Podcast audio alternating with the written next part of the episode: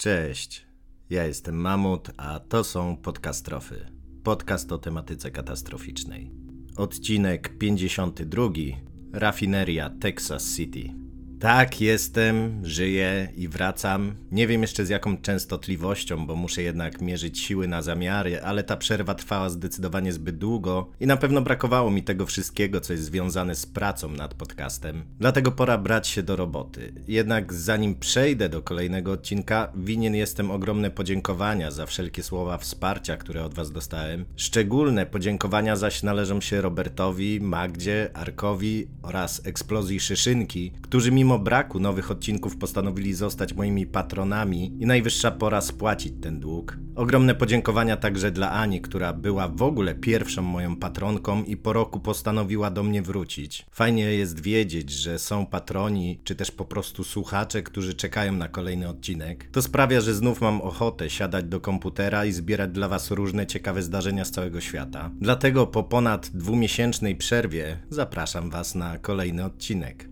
Na południu Stanów Zjednoczonych nad Zatoką Meksykańską znajduje się niewielkie, liczące w 2010 roku raptem 45 tysięcy mieszkańców miasteczko. Jednak jego nazwa sugeruje coś dokładnie odwrotnego. Nazywa się ono bowiem Texas City. Przenosząc to na nasz rodzimy grunt, to znajdowałoby się ono na 97 miejscu, jeśli chodzi o najludniejsze miasta w Polsce, dokładnie między Kołobrzegiem a Radomskiem. Prawdę mówiąc, to niewiele znaczy, bo nawet jeśli chodzi o miasta w samym Teksasie, znajduje się ono na dość odległym miejscu, a mimo to jest dla gospodarki amerykańskiej miejscem dość ważnym. Po pierwsze, jako port nad Zatoką Meksykańską, aczkolwiek w tej roli jego znaczenie systematycznie spada. Ważniejsze jest natomiast to, że w Texas City znajduje się rafineria ropy naftowej, która pokrywa około 3% zapotrzebowania na materiały pędne w Stanach Zjednoczonych i jest trzecią, jeśli chodzi o ilość przerabianej ropy rafinerią w stanie samotnej gwiazdy. I w sumie nie ma się czemu dziwić, bo przecież w Zatoce Meksykańskiej znajdują się potężne złoża tego płynnego złota, więc żeby uprościć łańcuchy logistyczne, rafinerie budowano właśnie na wybrzeżu. Zresztą u nas w Gdańsku jest bardzo podobnie i mimo, że nie mamy swoich złóż na Morzu Bałtyckim, to jednak łatwiej jest tę gęstą, lepką i co tu dużo mówić, toksyczną ciecz wyładować ze statku i przerobić w niewielkiej odległości, niż wozić ją pociągami lub tłoczyć rurami. Bo surowa ropa to mieszanina różnych węglowodorów, a przy okazji też dodatkowych zanieczyszczeń i jako taka jest to substancja, która średnio zachowuje się podczas przelewania z jednych zbiorników do innych. Na przykład jedną z frakcji jest mazut, który był używany jako paliwo na statkach, a nawet próbowano nim opalać kotły w parowozach, więc powstały specjalne lokomotywy opalane mazutem, a w Toruniu oraz w Iławie ustawiono zbiorniki tego paliwa, dzięki czemu można było zatankować go do zbiorników parowozów. Jednak mazut w temperaturze pokojowej jest cieczą lepką i gęstą, która nie bardzo chce współpracować przy przepompowywaniu, więc trzeba go było wstępnie podgrzać, co miało swoje wady, zarówno z punktu widzenia ekonomicznego, jak i ze względów bezpieczeństwa. Inna frakcja to oczywiście asfalt, który pod tym względem jest jeszcze gorszy od mazutu, więc generalnie, mimo że na świecie buduje się ropociągi, to jednak są one zdecydowanie mniej popularne niż gazociągi, bo jednak gaz tłoczy się o wiele, wiele prościej niż surową ropę.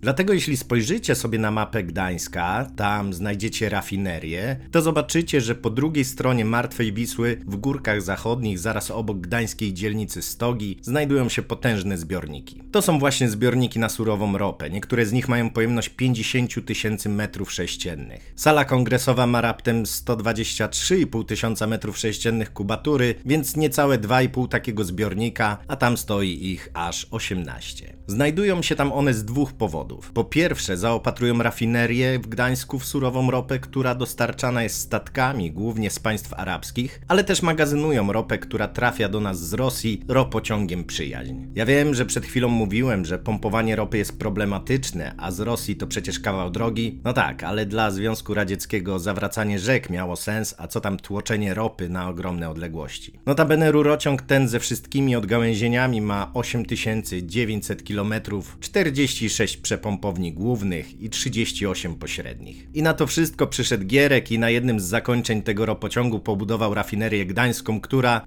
od początku była nastawiona na ropę z zupełnie innych kierunków, akurat wtedy głównie z Libii. Bo musicie wiedzieć, że arabska ropa zawiera mniej siarki niż rosyjska, więc instalacja do jej destylacji też różni się odrobinę w zależności od tego, jaką ropę zamierzacie przerabiać. No ale wracając nad Zatokę Meksykańską, większy sens ma przerabianie ropy na wybrzeżu i potem wysyłanie już gotowych produktów w głąb kraju cysternami samochodowymi i kolejowymi, albo też eksportowanie gotowych benzyn, smarów, gazów. Tak przy użyciu statków, niż tłoczenie surowej ropy gdzieś w głąb kraju, żeby dopiero tam ją destylować. A poza tym Teksas jest ponad dwukrotnie większy niż Polska, bo liczy sobie ponad 695 tysięcy kilometrów kwadratowych. Nawet jeśli dodamy do siebie Polskę i Niemcy, to wciąż jeszcze zabraknie nam 15 tysięcy kilometrów, czyli jeszcze możemy dodać Irlandię Północną mm, i La Palmę. Dwa razy. Może słyszeliście o tym, że stan samotnej gwiazdy to także ostoja republikanów, swobodnego dostępu do broni palnej, kowbojów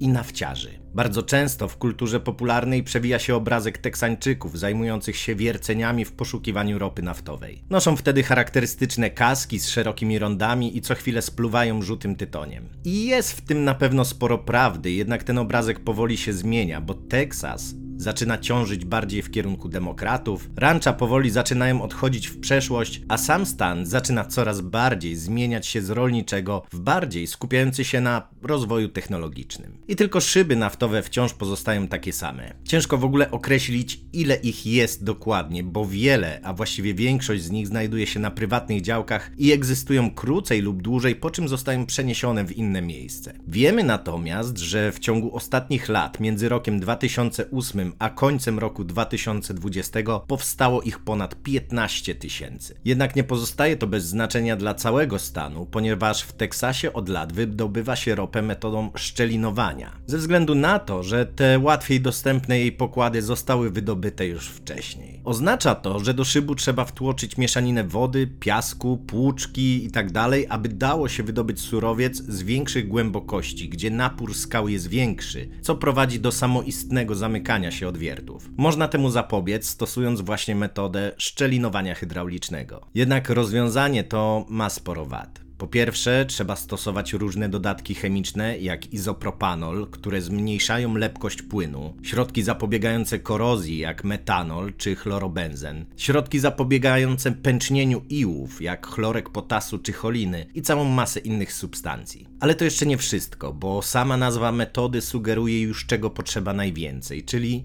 wody.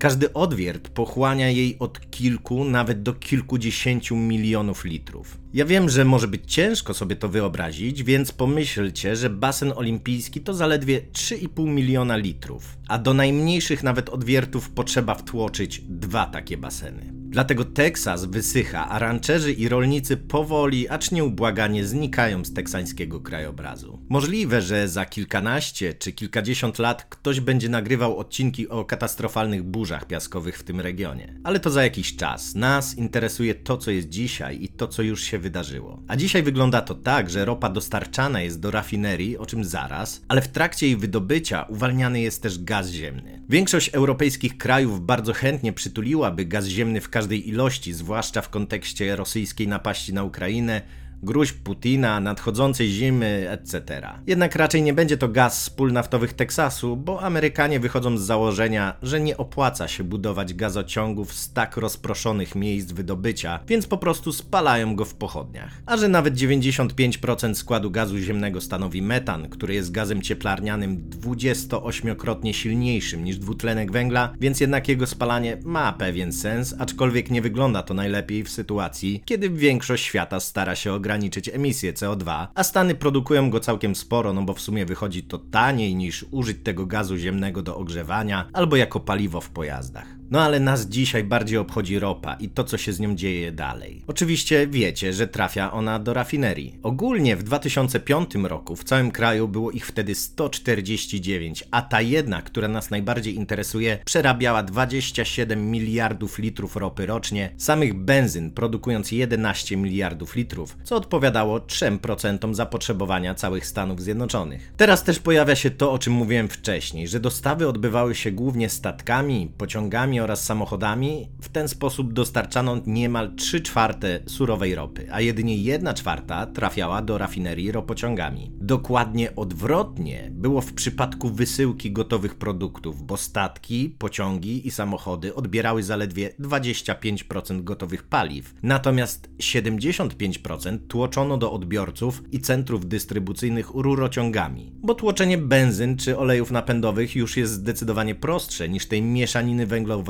którą nazywamy ropą naftową. W każdym razie historia tego miejsca zaczyna się w 1934 roku, bo właśnie wtedy powstała w tym miejscu rafineria panamerykańska. Potem następowały różne przekształcenia, fuzje, zmiany struktury właścicielskiej itd., tak co dla naszej historii nie ma większego znaczenia. Ważne jest natomiast to, że 1 stycznia 1999 roku właścicielem rafinerii w Texas City zostaje koncern BP. Jeśli coś wam dzwoni, to macie rację, bo to dokładnie to samo BP od Deepwater Horizon, czyli największej katastrofy, jaka do tej pory miała miejsce w przemyśle naftowym. Zresztą ta platforma jeszcze nam dzisiaj na sekundę wróci. Jak się może domyślacie, nie było to miejsce szczególnie przyjazne do pracy. Pomijając już, czy jest to praca lekka, łatwa i przyjemna, czy może jednak nie bardzo, to w latach 1974-2003 doszło tam do wypadków, w których w sumie zginęło 20 osób, a w roku 2004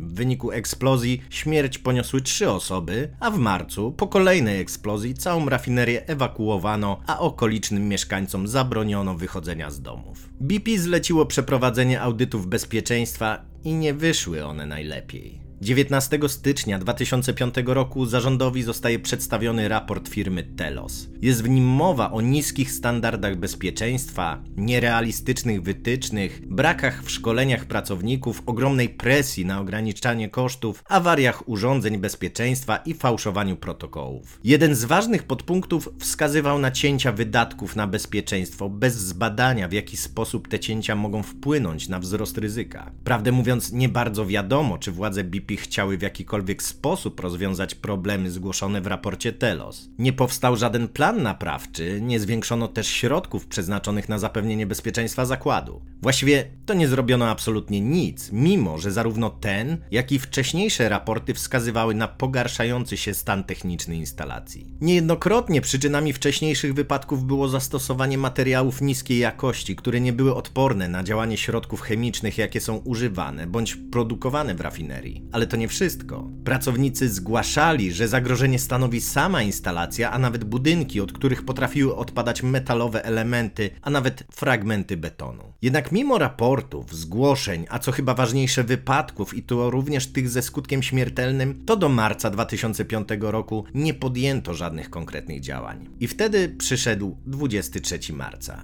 Jeśli słuchaliście odcinka o pożarze w rafinerii Czechowice-Dziedzice, to opowiadałem tam w uproszczeniu, jak przebiega proces destylacji ropy naftowej i rozdzielania jej na poszczególne frakcje. Ale metody są różne i nie w każdej rafinerii wszystko odbywa się tak samo. Poza tym zależy nam przecież na pozyskaniu produktów, na które jest największy popyt i które generują największy przychód. Po to właśnie wymyślono takie procesy jak cracking czy reforming. Generalnie chodzi o to, żeby uzyskać więcej benzyn i olejów. W pierwszym przypadku z ciężkich frakcji ropy, a w drugim z frakcji lżejszych. I częścią tego drugiego procesu, reformingu, jest izomeryzacja, dzięki której łańcuchy węglowodorów zmieniają swoją budowę i połączenia między poszczególnymi atomami. W ten sposób uzyskuje się benzyny o wyższej liczbie oktanowej, czyli zwyczajnie bardziej wydajne i efektywne w procesie spalania. Dzisiaj standardem na naszych stacjach paliwowych jest benzyna 95 i 98 oktanów, ale jeszcze w latach 80.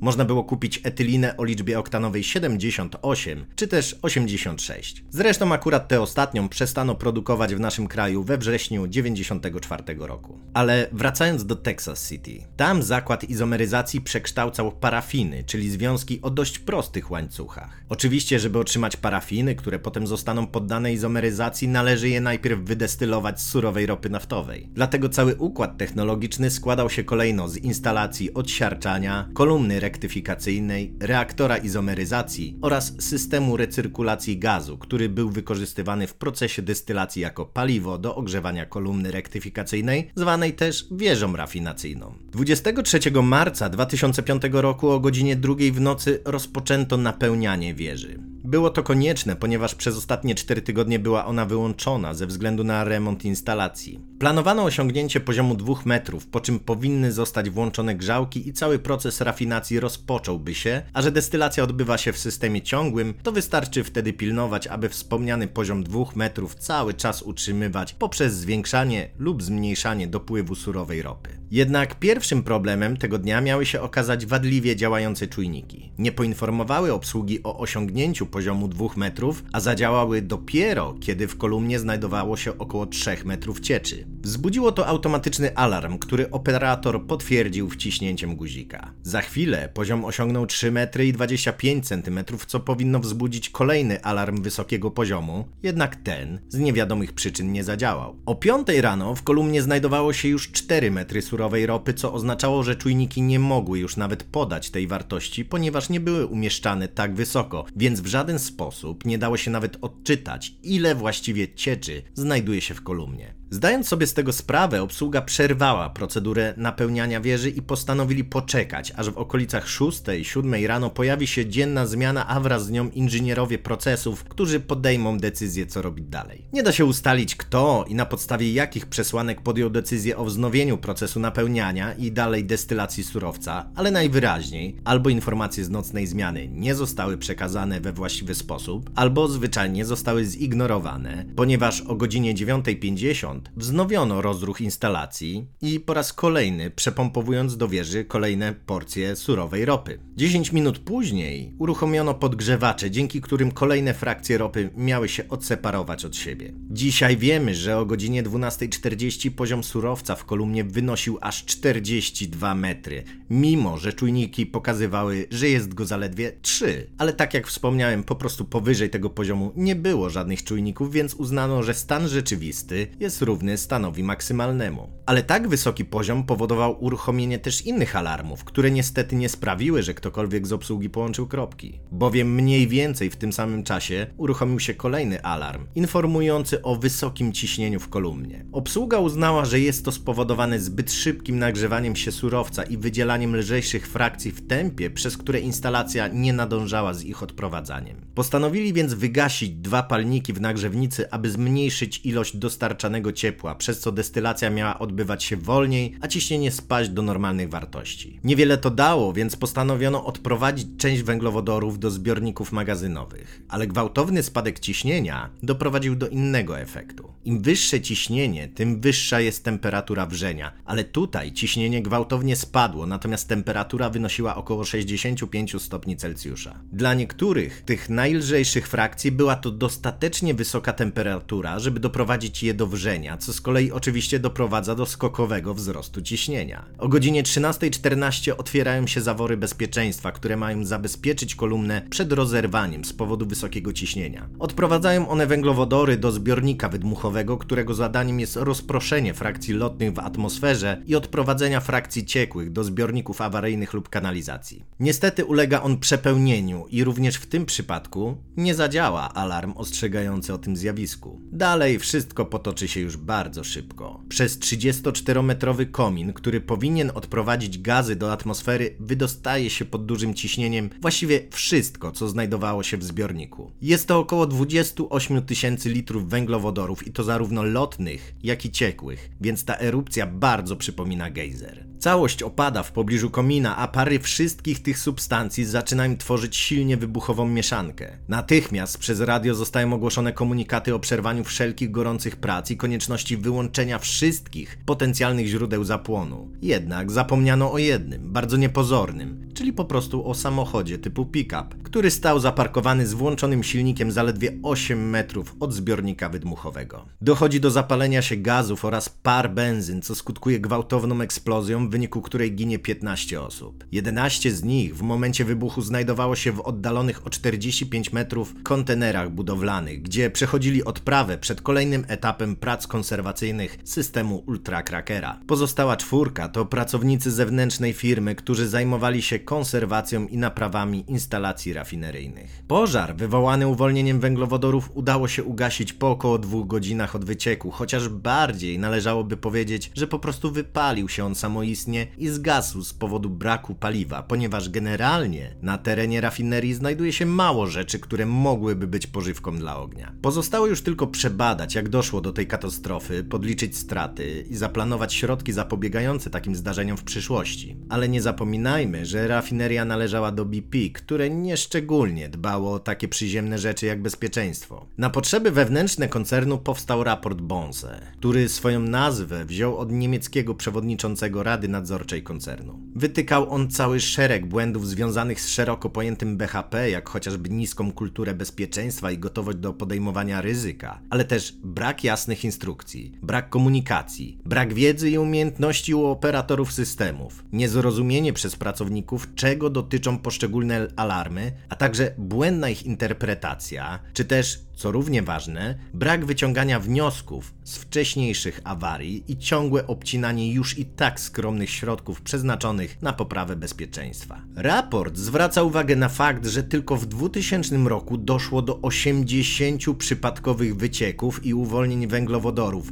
co właściwie stało się chlebem powszednim, bo oznacza to średnio jeden wyciek co 4,5 dnia. Tak poważne zdarzenie z ofiarami śmiertelnymi musiało również zostać przebadane przez amerykańską Radę do Spraw Bezpieczeństwa i Badania Zagrożeń Chemicznych. Jej raport pokrywa się z tym wewnętrznym raportem Bonse, ale dodaje do niego jeszcze kilka innych czynników. Podczas przeprowadzonej kontroli wykryto 301 naruszeń przepisów i nałożono na koncern grzywnę w wysokości 21 milionów dolarów. Raport Rady zwraca uwagę, że już w 1991 roku planowano zastąpienie zbiorników wydmuchowych pochodniami, które spalałyby uwalniane węglowodory, jednak ze względu na brak środków nie zostało to nigdy zrobione. Mało tego, kiedy w 1997 roku zbiornik i instalacja uległy uszkodzeniu i była szansa na modernizację systemu, zwyczajnie z tego zrezygnowano i zainstalowano kolejny kontener wydmuchowy, który konstrukcyjnie niczym nie różnił się od swojego poprzednika, a musimy pamiętać, że zostały one zaprojektowane w latach 50.